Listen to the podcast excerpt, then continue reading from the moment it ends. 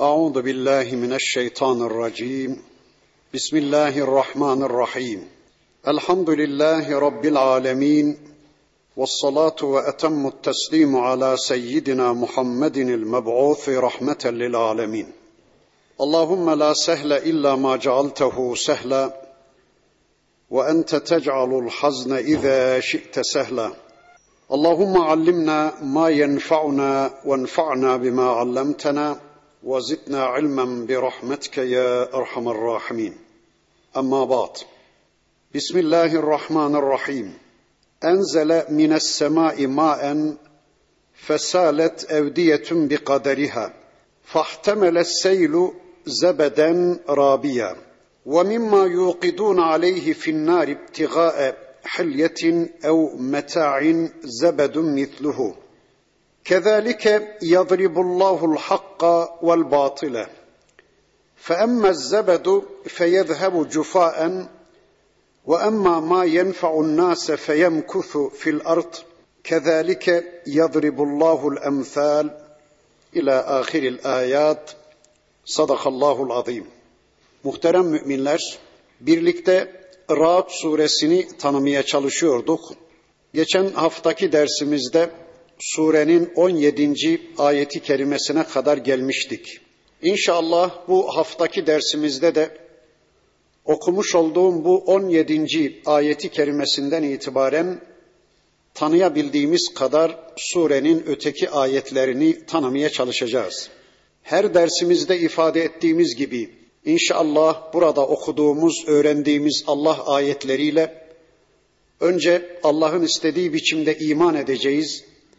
Sonra da bu imanlarımızla yarınki hayatımızı düzenlemek üzere, bu imanlarımızı yarınki hayatımızda görüntülemek üzere ciddi bir çabanın, ciddi bir gayretin içine inşallah gireceğiz. Bugün okumuş olduğum Ra'd suresinin 17. ayeti kerimesinde Rabbimiz hakla batıla bir örnek, bir darbı mesel verir. Bakın buyurur ki enzele mines semai maen gökten Allah su indirir sonra dereler ağzına kadar suyla dolar vadiler ağzına kadar suyla dolar sonra o sel suları akmaya başlar sel suları üzerinde köpüğü de yüklenip sürüklemeye başlar ومما يوقدون عليه في النار ابتغاء حلية أو متاع زبد مثله Aynen o sel sularının üzerinde oluşan köpük gibi kapkacak yapmak için, süs eşyaları yapmak için erittiğiniz madenlerin üzerinde de bir curuf, bir küf, bir köpük meydana gelir. Kezalike yadribullahul hakka vel batile işte Allah bu örneği hak ve batıl için vermektedir. فَاَمَّا الزَّبَدُ فَيَذْهَبُ جُفَاءً وَاَمَّا مَا يَنْفَعُ النَّاسَ فَيَمْكُثُ فِي الْأَرْضِ Kısa bir süre sonra sel sularının üzerindeki o köpükler yok olur gider ve insanlığa faydalı olan tertemiz su açığa çıkar. Yeryüzünde baki kalır. İşte Allah hakla batıla böyle bir örnek veriyor. Kezalike yadribullahul emsal işte Allah kullarına böyle farklı örnekler, farklı misaller verir. Bakın burada hakla batıla Rabbimiz bir örnek verdi. Hak ve batıl biraz daha net anlaşılsın diye Rabbimiz sosyal çevremizden iki örnek verdi. Bir tanesi yağmurlar yağıyor, vadiler sularla dolup taşıyor, Sonra seller akmaya başlıyor ve sellerin üzerinde bir köpük oluşuyor. İşte bu köpük batılı temsil ediyor. Köpüğün altındaki saf tertemiz su da hakkı temsil ediyor. Yine kapkacak yapmak için, süs eşyaları yapmak için ateşte erittiğiniz madenlerin üzerinde bir köpük, bir curuf oluşur. O batılı temsil eder o köpüğün, curufun altındaki saf maden de hakkı temsil eder. Kısa bir süre sonra o madenlerin üzerindeki küf yani curuf yani köpük uçar gider. Saf maden yeryüzünde kalır.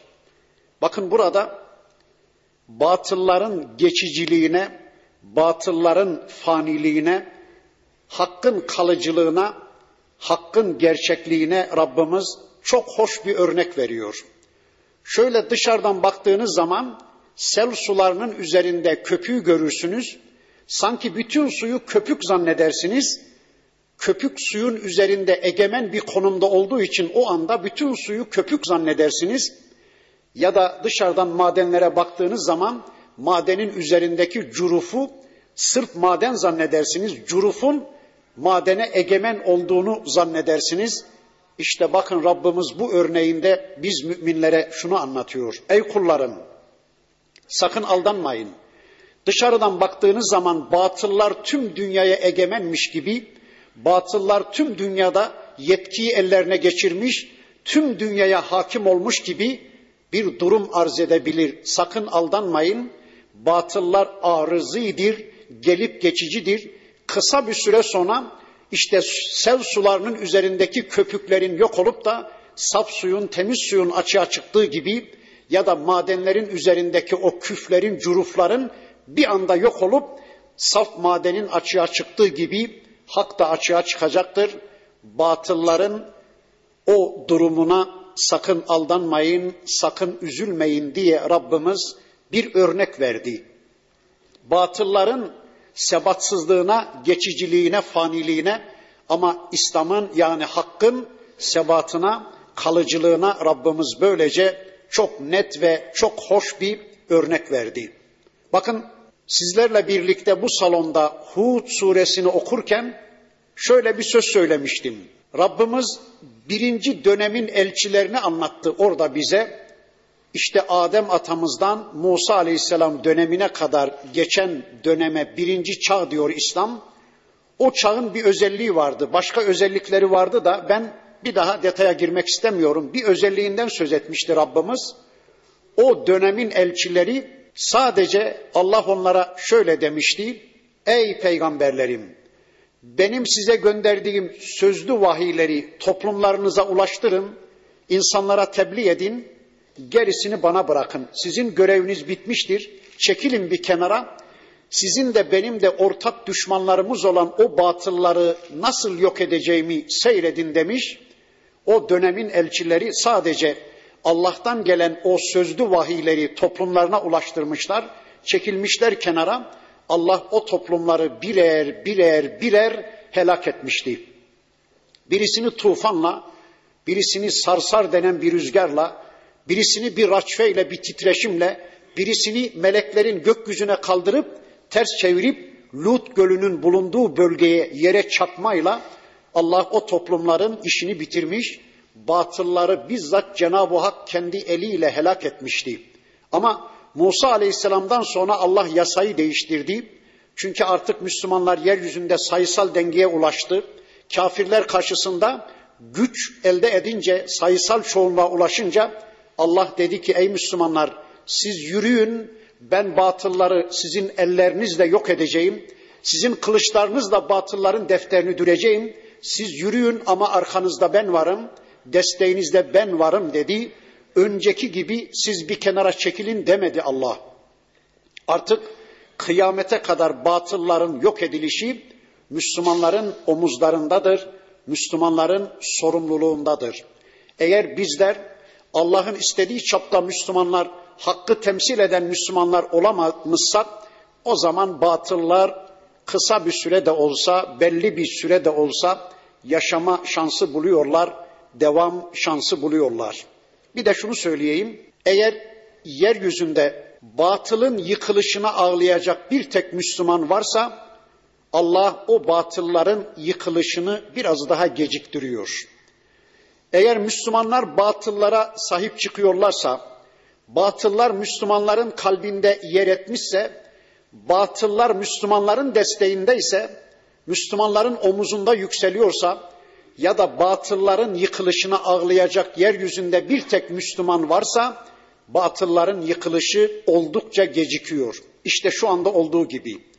Çünkü eğer batılın yıkılışına ağlayacak bir tek Müslüman varsa yeryüzünde o Müslümanlar henüz kalplerinden söküp atamadıkları o batılların farklı türlerini yeniden hortlatacakları için, yeniden geri getirecekleri için tümüyle batılların çirkin yüzü bütün Müslümanlar tarafından anlaşılmadıkça, Müslümanlar batıla desteklerini çekmedikçe, batıl ile aralarına kesin hatlarla mesafeler koymadıkça, batıl ile kavgalarını sürdürmedikçe batıllar yıkılmıyor, belli bir süre devam ediyor.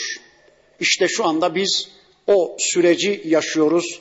Allah müminlerin yardımcısı olsun. Allah müminlere basiret versin. Batılın çirkin yüzünün anlaşılacağı günleri, tüm Müslümanlar tarafından batılın reddedileceği günleri Allah bize inşallah yakın kılsın. İşte Allah böyle bir örnekle hak ile batıl arasındaki farkı bize anlatıverdi. Bundan sonraki ayeti kerimesinde bakın Rabbimiz şöyle buyuruyor. لِلَّذ۪ينَ اسْتَجَابُوا لِرَبِّهِمُ الْحُسْنَى Rablerinin davetine icabet edenler için hüsna vardır. Rablerinin davetine icabet eden müminler için hüsna vardır. Önce hüsnayı bir tanımlayalım. Hüsna, dünyada Allah'ın istediği bir hayattır. Dünyada özgürce bir hayattır. Dünyada izzet ve şerefle yaşanan bir hayattır. Öbür tarafta da gözlerin görmediği, kulakların duymadığı, akıl ve hayallerimizin bile ihata edemeyeceği enva çeşit devletlere ve nimetlere ulaşmaktır hüsna. Bakın Allah diyor ki, Allah'ın davetine icabet edenler için hüsna vardır.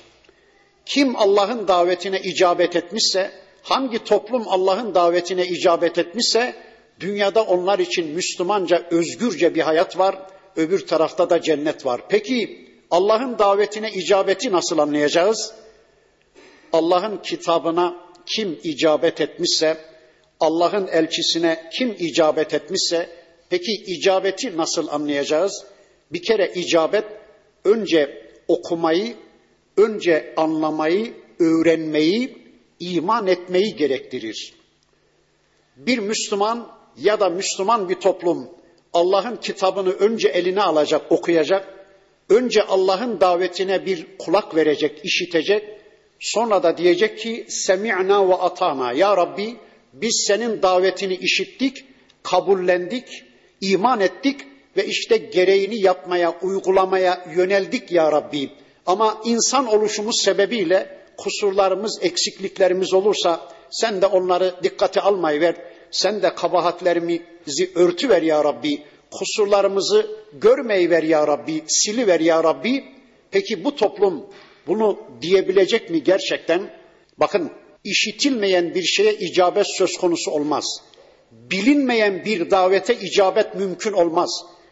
Bir toplum düşünün ki henüz Allah'ın kitabını eline almamış, henüz Allah'ın davetine kulak vermemiş, henüz Allah'ın kitabını gece gündüz öğrenme kavgası içine girmemiş, henüz Allah'ın elçisi Hazreti Muhammed Aleyhisselam'ın sünnetiyle tanışma süreci içine girmemişse, bu toplumun böyle bir davete icabet ettiğini nasıl söyleyebileceğiz? Söylemek mümkün değil. Öyleyse buyurun Allah'ın davetine icabet edelim. Alalım kitabı elimize. Gece gündüz Allah'ın kitabını anlamak için yoralım akıllarımızı. Anlama kavgası içine girelim. En öncelikli derdimiz bu olsun. Böylece Allah'ın davetine icabet edelim. Böylece hem dünyada Müslümanca özgürce bir hayata hem de öbür tarafta gözlerin görmediği, kulakların duymadığı, akıl ve hayallerimizin bile ihata edemeyeceği güzel cennetlere, güzel yurtlara ulaşma imkanımız olsun. وَالَّذ۪ينَ لَمْ يَسْتَجِيبُوا لَهُ Ama Allah'ın davetine icabet etmeyenler, Kur'an'dan uzak bir hayat yaşayanlar, peygamberden uzak bir hayat yaşayanlar, henüz Allah'ın kitabı ve peygamber aleyhisselamın sünnetiyle diyalog kuramayanlar var ya, peki onlar için ne varmış? لَوْ اَنَّ لَهُمْ مَا فِي الْأَرْضِ جَمِيعًا وَمِثْلَهُ مَعَهُ لَفْتَدَوْ بِهِ eğer böylelerinin şu anda üstünde gezdiğiniz, dolaştığınız dünya tümüyle böyle bir insanın olsa ve mitlehu ma'hu bir misli daha yani Böyle bir adamın iki dünyası olsa bu iki dünyanın ikisini de yarın fidye olarak verecek. Al ya Rabbi iki dünya feda olsun, fidye olsun. Yeter ki beni şu cehennem azabından kurtar. Yeter ki beni cennetine ulaştır diye iki dünyayı fidye olarak verecek. Ama o iki dünya ondan fidye olarak kabul edilmeyecek. Allahu Ekber. İki dünyası bir kafiri cennete ulaştıramıyor. İki dünyayı fidye olarak verse bir kafir onu cehennemden kurtarmıyor ama bir müminin yarım hurması onu cennete ulaştırıyor, onu ateşten koruyor. Hani bir hadis vardı. İttakun nara velev bi şıkkı temratin. Yarım hurmayla da olsa kendinizi ateşten koruyun. Yarım hurmayla da olsa kendinizi cehennemden koruyun diyordu ya peygamberimiz. Yarım hurma az mı sizce ne kadar çok ki insanı cehennemden koruyor ve insanı cennete ulaştırıyor. Müminin yarım hurması onu cehennemden koruyor, ateşten koruyor ama kafirin iki dünyası olsa o iki dünyayı fidye olarak verse onu cehennemden korumuyor. O zaman şu soruyu soralım. Müminlere mi çok nimet verilmiş yoksa kafirlere mi? Müminlere çok nimet verilmiş. İşte ayet bunu anlatıyor. Yarın bu tür kitaptan ve peygamberden habersiz yaşayanlar kitabın ve pey kitabın ve peygamberin rehberliğinde bir hayattan uzak yaşayanların iki dünyası olsa fidye olarak verecekler. Allah onlardan o fidyeyi kabul etmeyecekmiş. Kur'an'da anlatılır başka ayetlerde, başka surelerde bütün sosyal çevresini, ailesini, hanımını, karısını, kızını, çoluğunu, çocuğunu, kardeşlerini, kavmini, kabilesini, aşiretini, ırkını, cemaatini, grubunu, hizibini, yeryüzünde ne varsa وَمَنْ fil ardı cemia diyor ayet-i kerimede. Yeryüzünde kim varsa hepsi cehenneme gitsin. Yeter ki ben kurtulayım, ben cennete gideyim diyecekmiş adam. Ama Allah onun o fidyesini kabul etmeyeceğini anlatıyor. Ulaike lehum su'ul hesab. Onlar için hesabın kötüsü vardır. Onlar için hesabın zoru vardır. Kötü hesap nedir ya Resulallah diye sormuşlar Peygamber Efendimiz'e. Allah'ın Resulü buyurur ki Allah bir adamın tüm amellerini ortaya döküp de didik didik didik bunu niye yaptın şunu niye yapmadın diye bir hesaba başladı mı onun işi bitik. İşte onun hesabı gerçekten zordur. Ama tamam şunu yapmışın şunu neyse böyle diye örtbas etmeden yana Allah bir kişiye sorgu sormaya başlamışsa onu bağışlayacak demektir. Dünyada da öyle değil mi? Geldi mi maliyeciler, geldi mi birileri böyle didik didik didik bu ne bu ne diye sormaya başladı mı? Yani hesabı ciddiye aldı mı? Onun işi bitik ya. İşte Allah diyor ki bakın ulaike lehum su'ul hesab. Onlar için hesabın zoru vardır, hesabın kötüsü vardır. Ve ma'vahum cehennem. Onların gidecekleri yer cehennemdir. Ve bi'sel mihat. O cehennem gerçekten ne kötü bir varış yeri, ne kötü bir ağırlanma yeri. Şimdi de bir mukayese yapacak Allah. İnanan bir müminle vahiy rehberliğinde hareket eden, Kur'an sünnet rehberliğinde bir hayat yaşayan bir müminle vahye karşı kör ve sağır davranan bir kişinin mukayesesini yapacak. Bundan sonraki ayeti kerimesinde bakın Rabbimiz şöyle buyuruyor.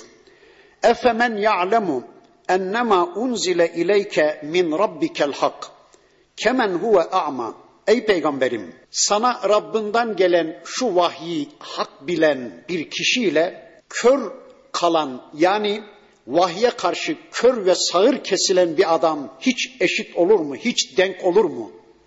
Bakın bir adam düşünün ki Allah'tan Peygamber aleyhisselama indirilen şu kitabı hak bilmiş, gerçek bilmiş, hakikat bilmiş, hukuk bilmiş, yasa bilmiş, bu kitap rehberliğinde ve bu kitabın pratiği olan Muhammed Aleyhisselam'ın sünneti rehberliğinde bir hayata yönelmiş, yani vahyi tanımış, vahyi okumuş, Allah'ın ayetlerini öğrenmiş, yani ışık kazanmış, eline bir el feneri almış, onun yolu aydınlık.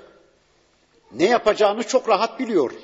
Mesela evine bir misafir geldiği zaman onun örneği o misafirlere nasıl davranmış, ne ikram etmişse peygamberin sünnetini bilen bir adam hiç de sıkıntı çekmez. Peygamber aleyhisselam nasıl ikram etmişse çok rahat bir biçimde neyi ikram etmişse onu ikram eder. Ya da Kur'an'ı tanıyan, sünneti tanıyan bir adam, vahiy rehberliğinde hareket eden bir Müslüman bir söz söyleyecek. Eğer o söz elfazı küfürse, yani ona cennet kaybettirecek bir sözse, ona Allah'ın rızasını kaybettirecek bir sözse bunu bilir ve söylemeyi verir, olur biter. Ya da bir ilişki, bir ticari ilişkiye mi girecek? Faiz kokusu mu var? Rüşvet kokusu, haram kokusu mu var? Vazgeçiverir Müslüman. Çünkü Kur'an'ı ve sünneti tanıyan bir Müslüman eline el feneri almış, yolu apaydın olan bir kişidir. Virajı, tehlikeyi, köprüyü çok rahat görür.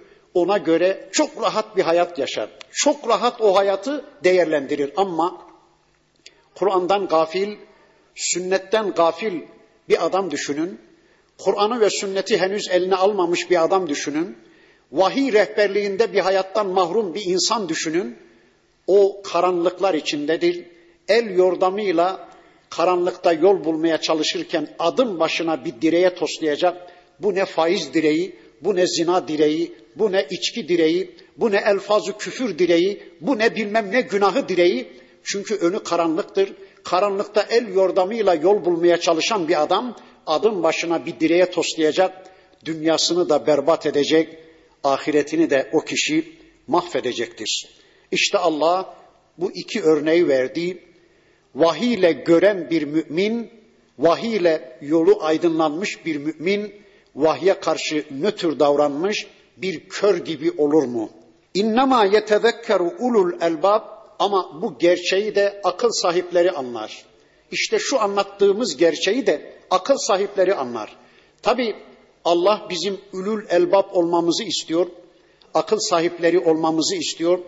Akıl sahibi olabilmek için de elbette vahye kulak vermek zorundayız. Gece gündüz Allah'ın kitabını ve Peygamber aleyhisselamın sünnetini okumak, öğrenmek zorundayız. O süreç içinde bir hayatın adamı olmak zorundayız.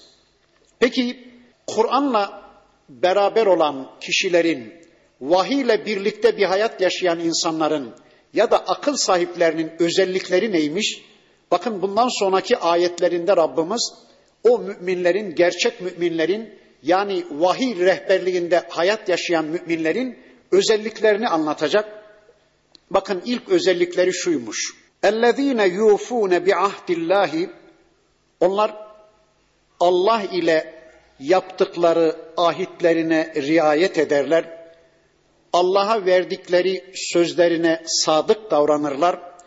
وَلَا يَنْقُضُونَ الْمِيثَاقِ ve Allah'la yaptıkları anlaşmalarını da asla bozmazlar. Kur'an sünnet rehberliğinde bir hayat yaşayan müminlerin birinci özelliği buymuş. Neymiş o? Bir kere Allah'a verdikleri söze riayet ederlermiş. Hangi söz? Birincisi Araf suresinde anlatıldığı gibi henüz dünyayı yaratmadan önce, yeryüzünde insan neslini var etmeden önce Rabbimiz bir dönem bilmiyoruz Adem'in zürriyetinden bizleri çıkarmış, ruhlarımızı yaratmış ve her birerimize bir soru sormuş. Elestü bi rabbikum. Ben sizin Rabbiniz değil miyim? Ben sizin sahibiniz değil miyim? Ben sizin malikiniz değil miyim? Sizin boyunlarınızdaki kulluk ipinin ucu elinde olan ben değil miyim? Sizin hayatınıza program yapma yetkisine sahip olan ben değil miyim? Ben sizin Rabbiniz değil miyim diye bir soru sormuş. O gün müminiyle kafiriyle bütün ruhlar demiş ki galu bela. Evet ya Rabbi sen bizim Rabbimizsin. Biz boyunlarımızdaki kulluk ipinin ucunu senin eline veririz. Sadece senin çektiğin yere gideriz. Sadece senin yasalarını uygularız. Sadece seni sahip malik biliriz. Sadece seni Rab, Melik ve İlah biliriz. Senden başkalarının yasalarını asla uygulamayız. Senden başkalarının çektiği yere asla gitmeyiz. Senden başkalarının arzularını asla yerine getirmeyiz. Bizim hayatımıza egemen tek Rab sensin ya Rabbi diye herkes Allah'a söz vermişti. İşte Rabbimiz diyor ki onlar ezelde Rablerine verdikleri o söze sadık davranırlar.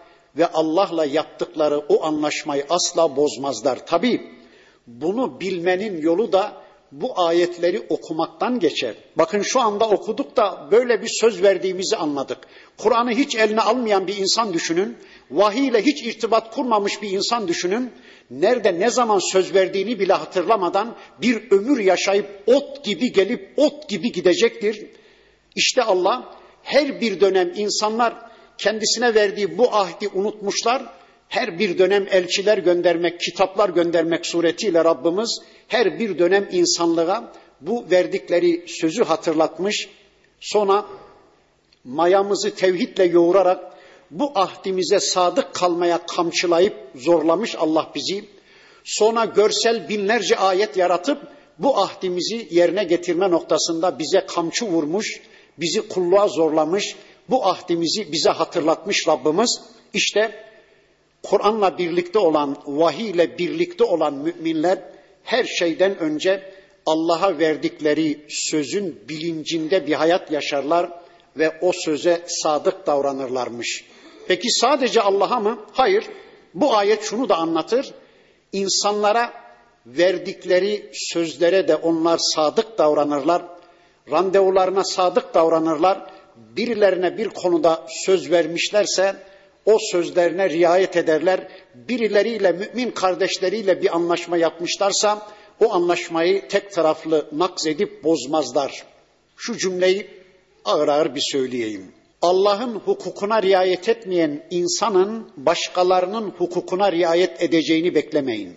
Allah'ın haklarına karşı saygılı davranmayan bir kişinin başkalarının haklarına karşı saygılı davranacağını beklemeyin.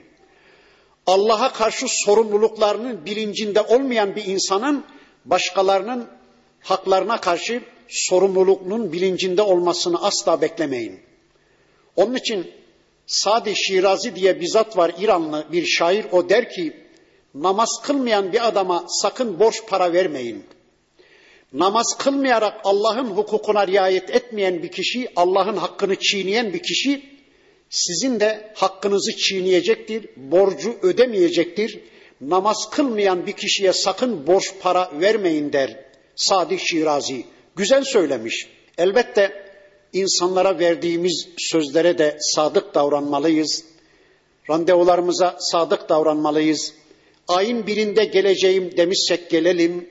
Ay başında ödeyeceğim demişsek ödeyelim. Falan yerde seni bekliyorum demişsek gidelim.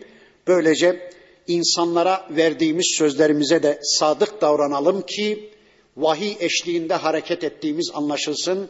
Ülül elbap olduğumuz yani akıllılardan olduğumuz anlaşılsın.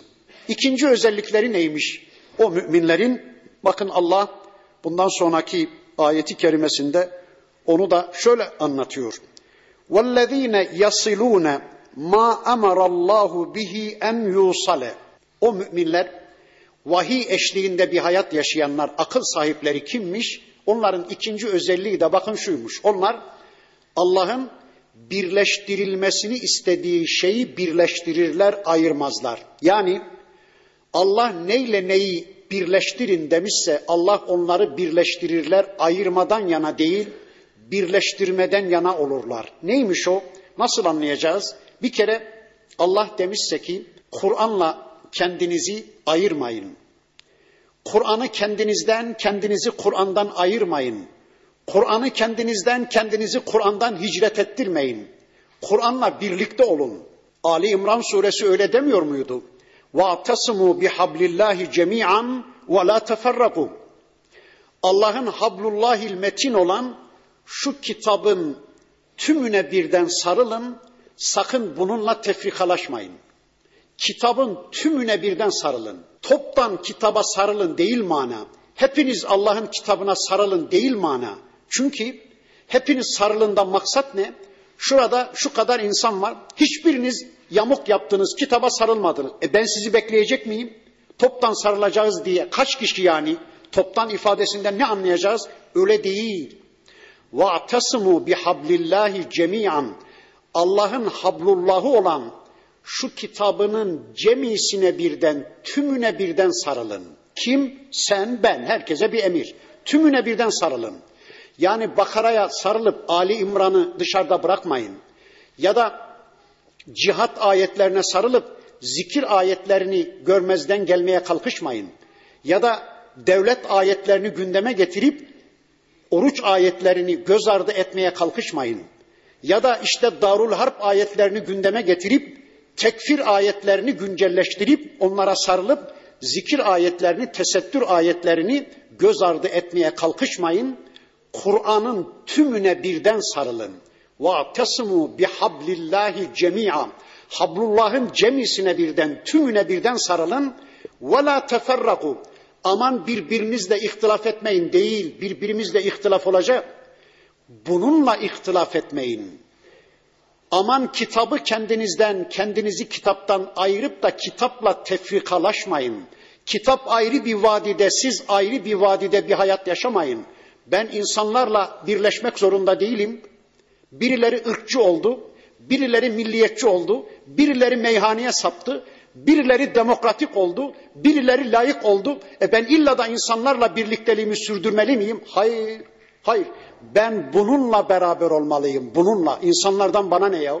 Ben buna sarılmalıyım. Allah öyle diyor. وَلَا تَفَرَّقُوا Sakın kitapla tefrikalaşmayın. Kitabı kendinizden, kendinizi kitaptan ayırmayın. E Allah böyle demişse burada da Allah neyle neyi birleştirin demişse işte Allah kitabıyla birlikte bir hayat yaşayın demişse müminler kitaptan uzaklaşmayı dinden çıkma sayarlar. İki gün kitapla diyalog kuramadı mı bir Müslüman? İki gün kitaptan cuda düştü mü, ayrı düştü mü bir Müslüman? Sanki Müslümanlık bitti sayar, ürperir, titrer ve korkar. Sanki peygamberle iletişimi koptu mu bir Müslümanın? Yani peygamberin sünnetiyle ilgisi kesildi mi? Yani peygamberin sünnetini okuyamadı mı bir iki gün ilgi kuramadı mı? Sanki Müslümanlığın bitti zanneder, tir tir titrer ya Müslüman. İşte burada da neyle neyi birleştirmemizi istemişse Allah onu birleştirir, onlar ayırmadan yana olmazlar. Başka? Allah büyük aileden yana değil mi?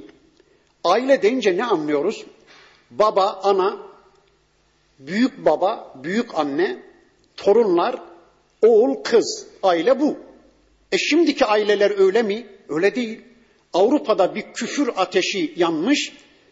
Biz de etkilenmişiz. Öyle aileleri, büyük aileyi parçalamışız ki, öyle materyalist bir bakış açısıyla bireysellikten yana tavır almışız ki, Allah korusun. Halbuki İslam aileyi öyle yapın, parçalamayın. Aile bağlarını sıcak ve sağlam tutun. Aile bağlarını koparmayın. Komşuluk bağlarını koparmayın. Sılayı rahmi kesmeyin. Yani neyle neyi birleştirin demişse Allah, o müminler onu birleştirmeden yana tavır alırlar, parçalamadan yana değil. Başka, başka nasıl anlayacağız? Mesela mal ile zekatı birleştirin.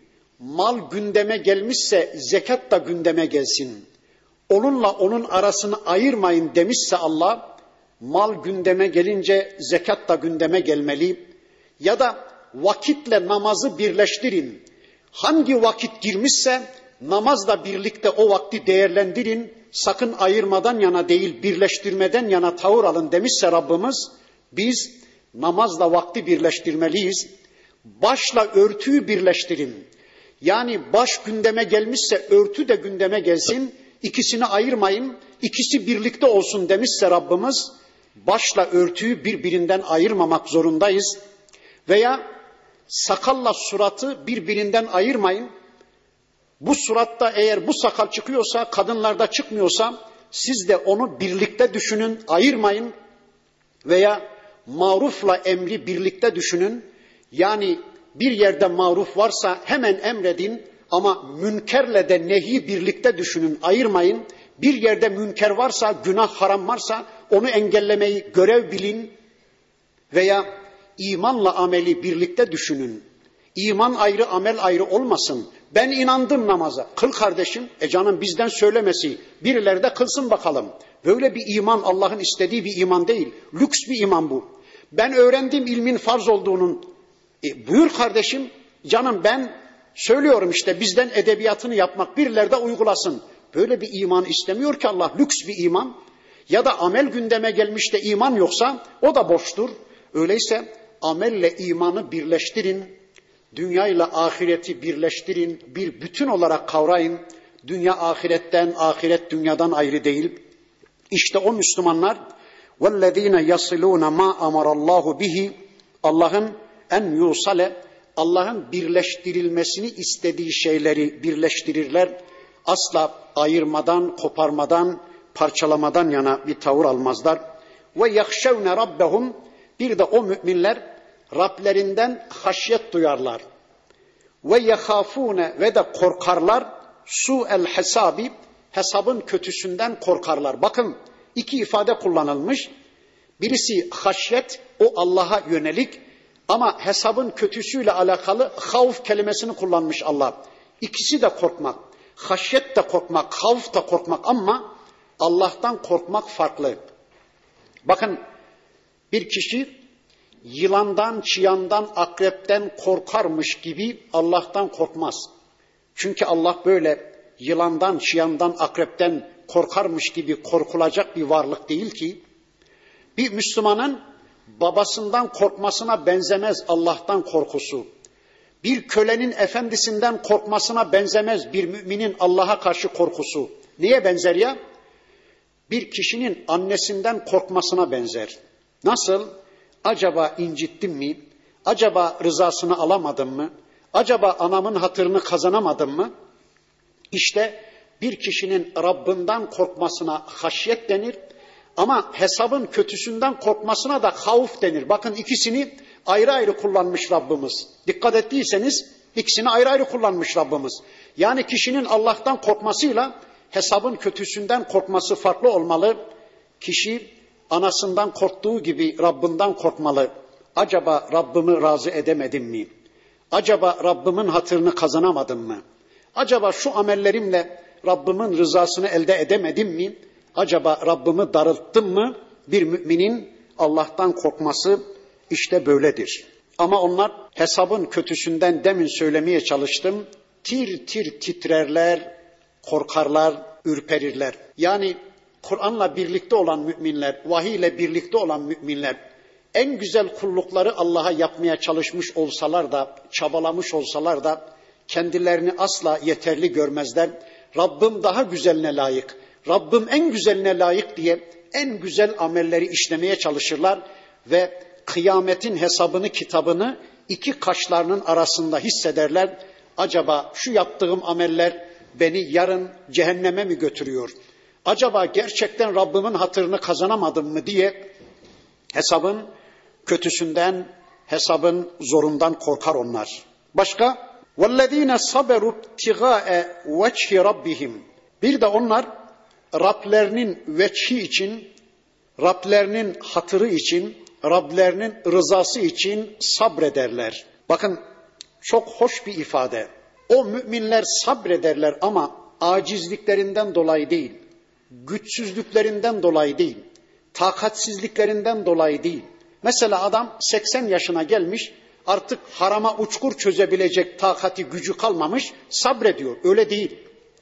Dimdik ayakta gerçekten o günahı işleyebilecek sıhhati de var ama Allah rızası için kendini o günahtan alıkoyuyor, nötr davranıyor ya da kendini tutuyor, sabrediyorsa işte bu Allah için bir sabretmedir. Onlar Allah için sabrederler, Allah için göğüs gererler. Tüm fedakarlıkları Allah için göğüslemeyi becerir onlar. Bakın o müminlerin sabırlarının temel hedefi Allah'ın rızasıymış. İnsanlar beğensinler. İnsanlar ne sabırlı kul desinler. İnsanlar ne kadar zahit bir insan desinler. İnsanlar alkışlasınlar. İnsanların teveccühüne mazhar olayım. Yo. Onların sabırlarının temel hedefi sadece Allah'ın rızasıdır. Onlar sabrederler ve derler ki Allah var ya başkasına ne gerek var? Bakın şimdi Müslümanlara efendim işte lider yok, komutan yok, hoca yok, imam yok, parti yok, dernek yok, dergi yok, gazete yok, e, cemaat yok, para yok, pul yok, vakıf yok, dernek yok. E ne yapalım? Ya Allah var ya, başkasına ne kam? Bir mümin Allah yok diyemeyeceğine göre başka hiçbir şeyi beklemez Müslümanlık için. Allah var ya ben Müslüman olmalıyım. Allah var ya ben yürümeliyim. Allah var ya ben durmayı aklımın ucundan bile geçirmemeliyim. Allah var ya ben geri adım atmayı aklımın ucundan bile geçirmemeliyim diye pozitif ve negatif tüm eylemlerinde bir Müslüman Allah için sabreder. Pozitif dedim. Namaza sabreder, namazı kılar. Oruca sabreder bir mümin, orucu tutar. Bu pozitif bir eylem, pozitif bir kulluk. Bir de negatifi var. Mesela içki içmemeye sabreder, kendini tutar. O da sabırla gerçekleşir. Zina etmemeye sabreder bir Müslüman, günah işlememeye sabreder bir Müslüman. Böylece Müslüman pozitif ve negatif tüm eylemlerinde Allah için sabreder, Allah için her şeye göğüs gerer, Allah için kahır çeker, Allah için yük yüklenir. İşte Allah için sabreder onlar. Sabrı da bir tanımlayalım. Sabır her bir şart altında Allah'ın istediği kulluğu sürdürebilmektir. Bu cümleyi ağır ağır bir daha söyleyeyim. Sabır her şart altında Allah'ın istediği kulluğu sürdürebilmektir. Değişik şartlarda bu kelamun gibi değişik tavırlar alan kişinin o tavrı sabır değil zillettir. Mesela aman burada diplomam engellenecek başımı açı vereyim. Aman burada galiba müdür benim işime son verecek sakalımı kestiri vereyim. Aman bu okuldan beni atacaklar ben namazı terk vereyim. Bu sabır değil bu zillettir ve meskenettir. Sabır her şart altında Allah'a kulluğu sürdürebilmektir. Ben daha önceki derslerimde bizim yasal sabır örneklerimizden misaller vermiştim. Yeri gelmişken bir iki örnek daha bakın sunayım. Bir Nuh Aleyhisselam'ı düşünün. 950 yıl tüm alaylara, tüm işkencelere karşı Müslümanca kalabilmeyi başarmış, geri adım atmayı ya da durmayı aklının ucundan bile geçirmeden Allah'ın istediği kulluğu sürdürebilmişse işte bizim karşımızda bir sabır örneği. Düşünün bir Lut aleyhisselam bunalmış, daralmış, kafirlerin baskısı, zulmü karşısında iki kızını bile teklif edecek noktaya geldiği halde, bunaldığı halde yine de geri adım atmayı ya da durmayı aklının ucundan bile geçirmeden Allah'a kulluğunu sürdürebilmişse o da bizim için bir sabır örneği. Bir Talut'u düşünün, Bakara'da anlatılıyor. Calut'la, Calut'un ordusuyla savaşmak için askerleriyle birlikte, Müslümanlarla birlikte yola çıkmış. Her bir merhalede askerlerinin elekten elenircesine elenmesine karşılık zerre kadar moralini bozmamış. Sonra bir nehirle karşı karşıya gelmişler. Demiş ki Talut, kim ki bir avuç içerse müstesna, doya doya kana kana bu nehirden içerse benden değil demiş. Allahu alem bu dünyaydı. Kim ki şişecek kadar malın mülkün içine gömülürse zaten o imtihanı kaybedecek. Dünya onu alıkoyacak Allah'a kulluktan ama bir avuç müstesna yani ihtiyacı kadarıyla dünyayla ilgilenmek müstesna. Böyle anlıyoruz Allahu alem. Demişti Talut aleyhisselam ama ordusu çokça içi verdi, kana kana doya doya içi verdi. Şişip kaldılar, savaş meydanında döküldüler. Az bir grupla yürüdü ve sonunda Calut'un ordusuna karşı galip geldi Talut aleyhisselam ve Allah dedi ki kem min fiyetin galiletin galebet fiyeten kethireten bi iznillah nice az gruplar var ki Allah onları nice çoklara galip getirmiştir.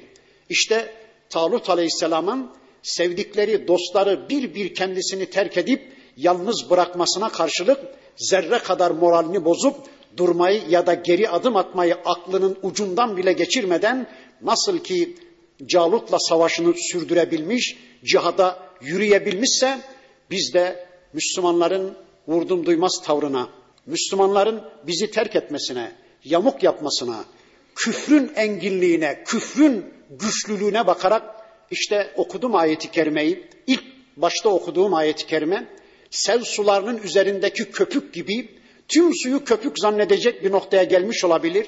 Batıllar tüm dünyaya egemenmiş gibi bir görüntü arz etmiş olabilir.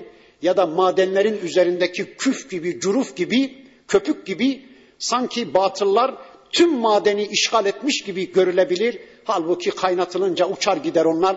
Su akarken köpükler dağılır gider. Saf su açığa çıkar. İşte bir Müslüman Allah için göğüs germeli, sabretmeli, hakkın galibiyeti için çalışıp çabalamalı, önce kendi nefsinden başlamalı, kendini değiştirmeye çalışmalı, Allah'ın bireysel ve toplumsal değişiminin yasasına uygun bir biçimde ben düzelmeliyim demeli. Allah onun yardımcısı olacak. İşte sabır örnekleri karşımızda duruyor. وَالَّذ۪ينَ صَبَرُوا ابْتِغَاءَ وَجْهِ رَبِّهِمْ Onlar sadece Rablerinin hatırı için sabrederler, göğüs gererler. وَاَقَامُوا الصَّلَاةَ Bir de onlar namazı ikame ederler, namazı ayağa kaldırırlar. Namazı yerlerde sürünmekten kurtarırlar. Namaz yöneliş demektir. Onlar içleriyle dışlarıyla, niyetleriyle, amelleriyle, her şeyleriyle Allah'a yönelirler. Böylece namazı ikame ederler. Ya da namaz Allah'la konuşmak demektir. Onlar namazda Allah'tan mesaj alarak Allah'la konuşurlar, Allah'la diyalog kurarlar. Ya da namaz Allah'a aidiyet demektir. Çünkü namaz kılan bir mümin sağa sola bakamaz, bir şey yiyemez, konuşamaz, hiçbir iş yapamaz. Tüm bedenin Allah'a tahsisidir namaz. Dolayısıyla aidiyettir namaz. Namaz kılan bir mümin ben Allah'a aidim demek istiyor. Ya da namaz Allah'tan mesaj almadır. Namaz Allah'a hayatın tekmilini vermedir. Namaz öncesi hayatın tekmilini verirken Müslümanlar namaz sonrası hayatı da düzenlemek üzere Allah'tan yeni mesaj almaktadır. Veya namaz bedenin Allah'a tahsisidir. Hemen arkasından gelecek ve enfaku mimma razaknahum sirran ve alaniyeten bir de onlar gece gündüz gizli ve açık Allah'ın kendilerine verdiği imkanları, fırsatları infak ederler. Allah kullarıyla paylaşmadan yana bir tavır alırlar. Dikkat ederseniz Kur'an-ı Kerim'de nerede namazdan söz etmişse Allah hemen arkasından ya zekattan ya da infaktan söz eder. Neden? Çünkü birisi bireysel bir kulluk, diğeri toplumsal bir kulluk. Namaz bireysel bir kulluk. Ben tek başıma da namazı kılabilirim ama zekatı kendi kendime veremem ki, infakı kendi kendime yapamam ki, mutlaka birilerine ihtiyacım var. Zekat ya da infak toplumsal bir kulluk ama namaz bireysel bir kulluktur. Ya da namaz bedensel bir kulluktur. Tüm bedende Allah'ı egemen bilmenin ifadesi olarak bir, olarak bir Müslüman namaz kılıyor. Ama infak ya da zekat mali bir kulluktur. Benim malım konusunda Allah söz sahibidir, Allah yetkilidir demek üzere bir mümin infakta bulunur ya da zekat verir. Ama infak çok genel bir kavramdır. Bakın infak deyince sadece malı anlamayın. Allah bir kula diğer kullarına vermediği hangi özelliği vermişse o kulun Allah tarafından kendilerine kendisine rızık olarak rızık olarak verilen o nimeti Allah kullarıyla paylaşmasının adına infak diyoruz. Allah bana size vermediği bir bilgiyi mi verdi? Ben onu şu anda yaptığım gibi cömertçe sizinle paylaşırsam, üstelik efendim gibi, efendimiz gibi, Yusuf Aleyhisselam gibi bir bedel de istemeden biliyorsunuz Yusuf Aleyhisselam'a elçi gitti. Rüyayı yorumunu istemişti. Kralın rüyasını da şöyle demedi Yusuf Aleyhisselam. Tamam ben bu rüyayı yorumlarım ama bir şartla beni bu zindandan kral çıkarırsa filan demedi. Bakın peygamber Allah bilgisine ulaşırken bir bedel ödemez. Ya da Allah vahyini peygamberlerine aktarırken onlardan bir bedel istemez, bir karşılık istemez. Peygamber bedava ulaştığı Allah bilgisini insanlara sunarken de insanlardan asla bir karşılık istemez, bir bedel istemez. Tamam ben bu rüyanın kralın rüyasını tabir ederim ama bir şartla beni bu zindandan çıkarırsa filan demedi. Öyleyse biz de bedava ulaştığımız vahyi insanlara aktarırken sakın ha onlardan bir bedel istemeyelim, onlardan bir karşılık beklemeyelim. Tamam ben size iki ayet anlatırım ama bir çay ikram ederseniz, ben size iki hadis anlatırım ama bana bir bal baklava ikram ederseniz filan demeyelim. Bedava ulaştığımız Allah bilgilerini Allah kullarına ulaştırırken biz de ücret istemeyelim. Aman ha bu tebliğlerimizi, bu anlatımlarımızı paraya tahvil edip de ecrini sıfıra indirgemeyelim. İşte bilginin infakı, eğer arabanız varsa arabası olmayan müminleri istifade ettirin, böylece onun infakını gerçekleştirin. Allah iki göz vermişse iki gözden mahrum olan amanın elinden tutup caddenin karşı tarafına geçiriverin. Böylece gözünüzü infak edin. Allah doğurabilecek bir sıhhat vermişse her iki yılda, her üç yılda bir doğursun bir kadın. Böylece sıhhatini infak etmiş olsun, sağlığını infak etmiş olsun. İnfak çok genel bir kavram. İşte Allah diyor ki bakın bir de onlar Allah'ın kendilerine verdiği rızıkları gece gündüz sırran ve alaniyeten gizli ve açık Allah kullarıyla paylaşırlar.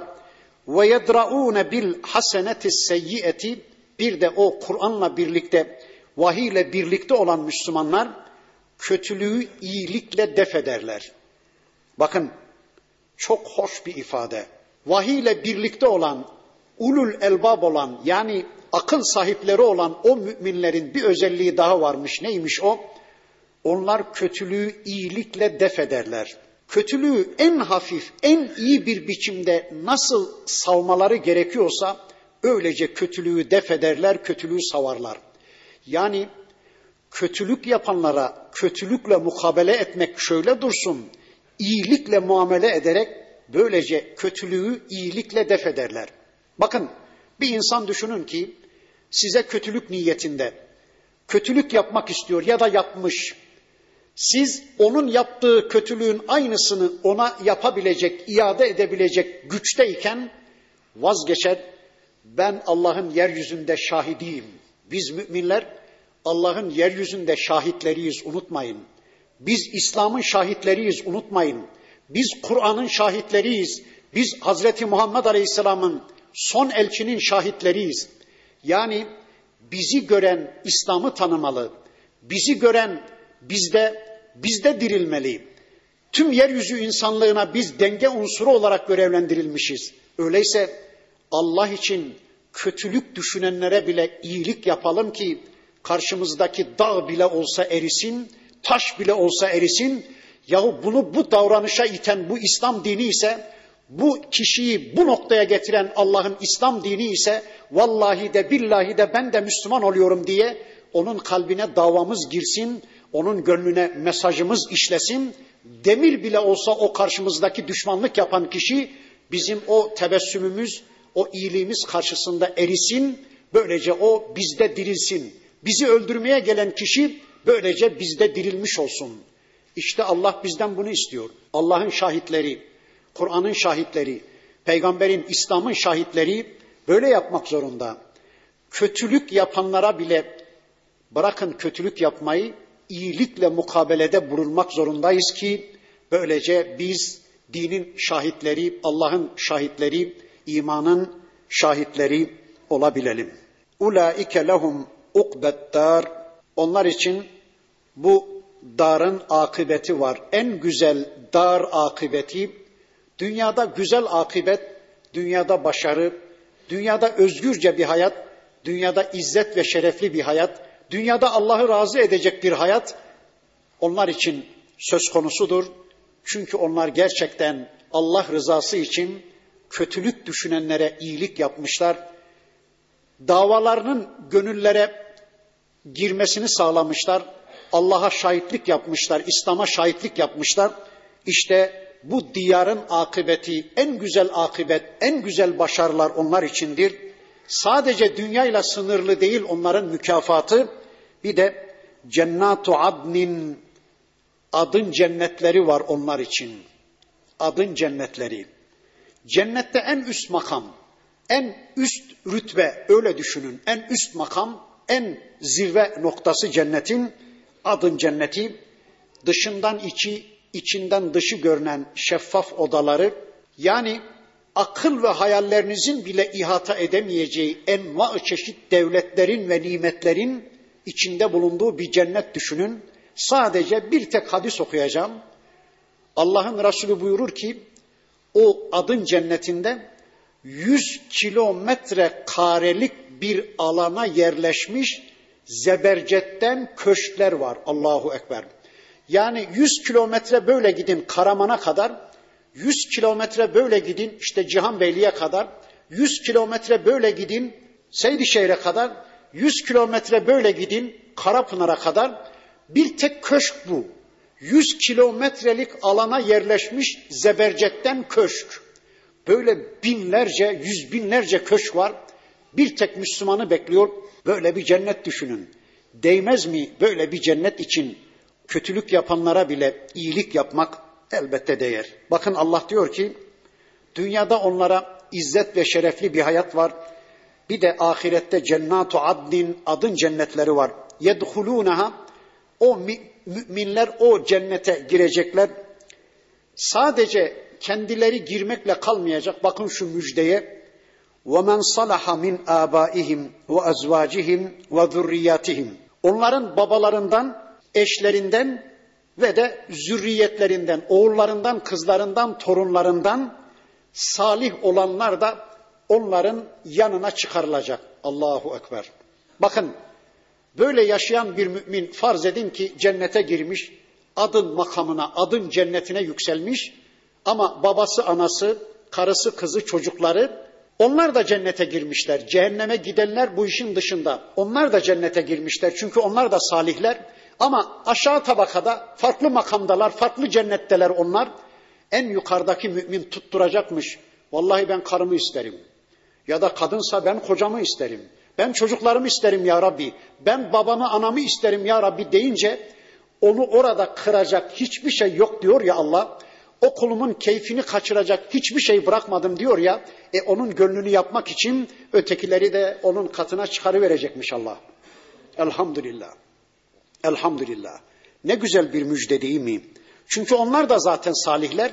O akrabaları da salih. Zaten cennete girmişler ama o yüksek makamda değil daha aşağıda makamdalar. Böylece Allah en yüksektekinin yanına ötekileri de çıkarıveriyor. Böylece orada o mümin kullarına sıkıntı yaşatmıyor, yalnızlık sıkıntısı çektirmiyor Rabbimiz. Vel melaiketu yedhulun aleyhim min kulli babin ve her bir kapıdan melekler onları karşılar. Bakın melekler böyle yaşayan müminleri vahiy eşliğinde bir hayat yaşayan, ülül elbab olan müminleri melekler her bir kapıda karşılıyor. Bakın şöyle diyorlarmış. Selamun aleykum Allah'ın selamı üzerinize olsun. Silim, barış yurdu, esenlik yurdu, cennet sizin olsun. Bima sabertum sabırlarınıza karşılık. Müslümanca kalabilme hesaplarınıza karşılık. Her şeye rağmen Müslümanca kalabilmeye direnmenize, dayanmanıza karşılık. Bakın dikkat edin. Namaz kılmanıza karşılık demiyorlar. Zekat vermenize karşılık demiyorlar. Oruç tutmanıza karşılık demiyorlar da bima sabertum sabırlarınıza karşılık. Çünkü diğer kullukların tümü sabırla yapılır. Bir kişi namaza sabretmeli ki kılabilsin.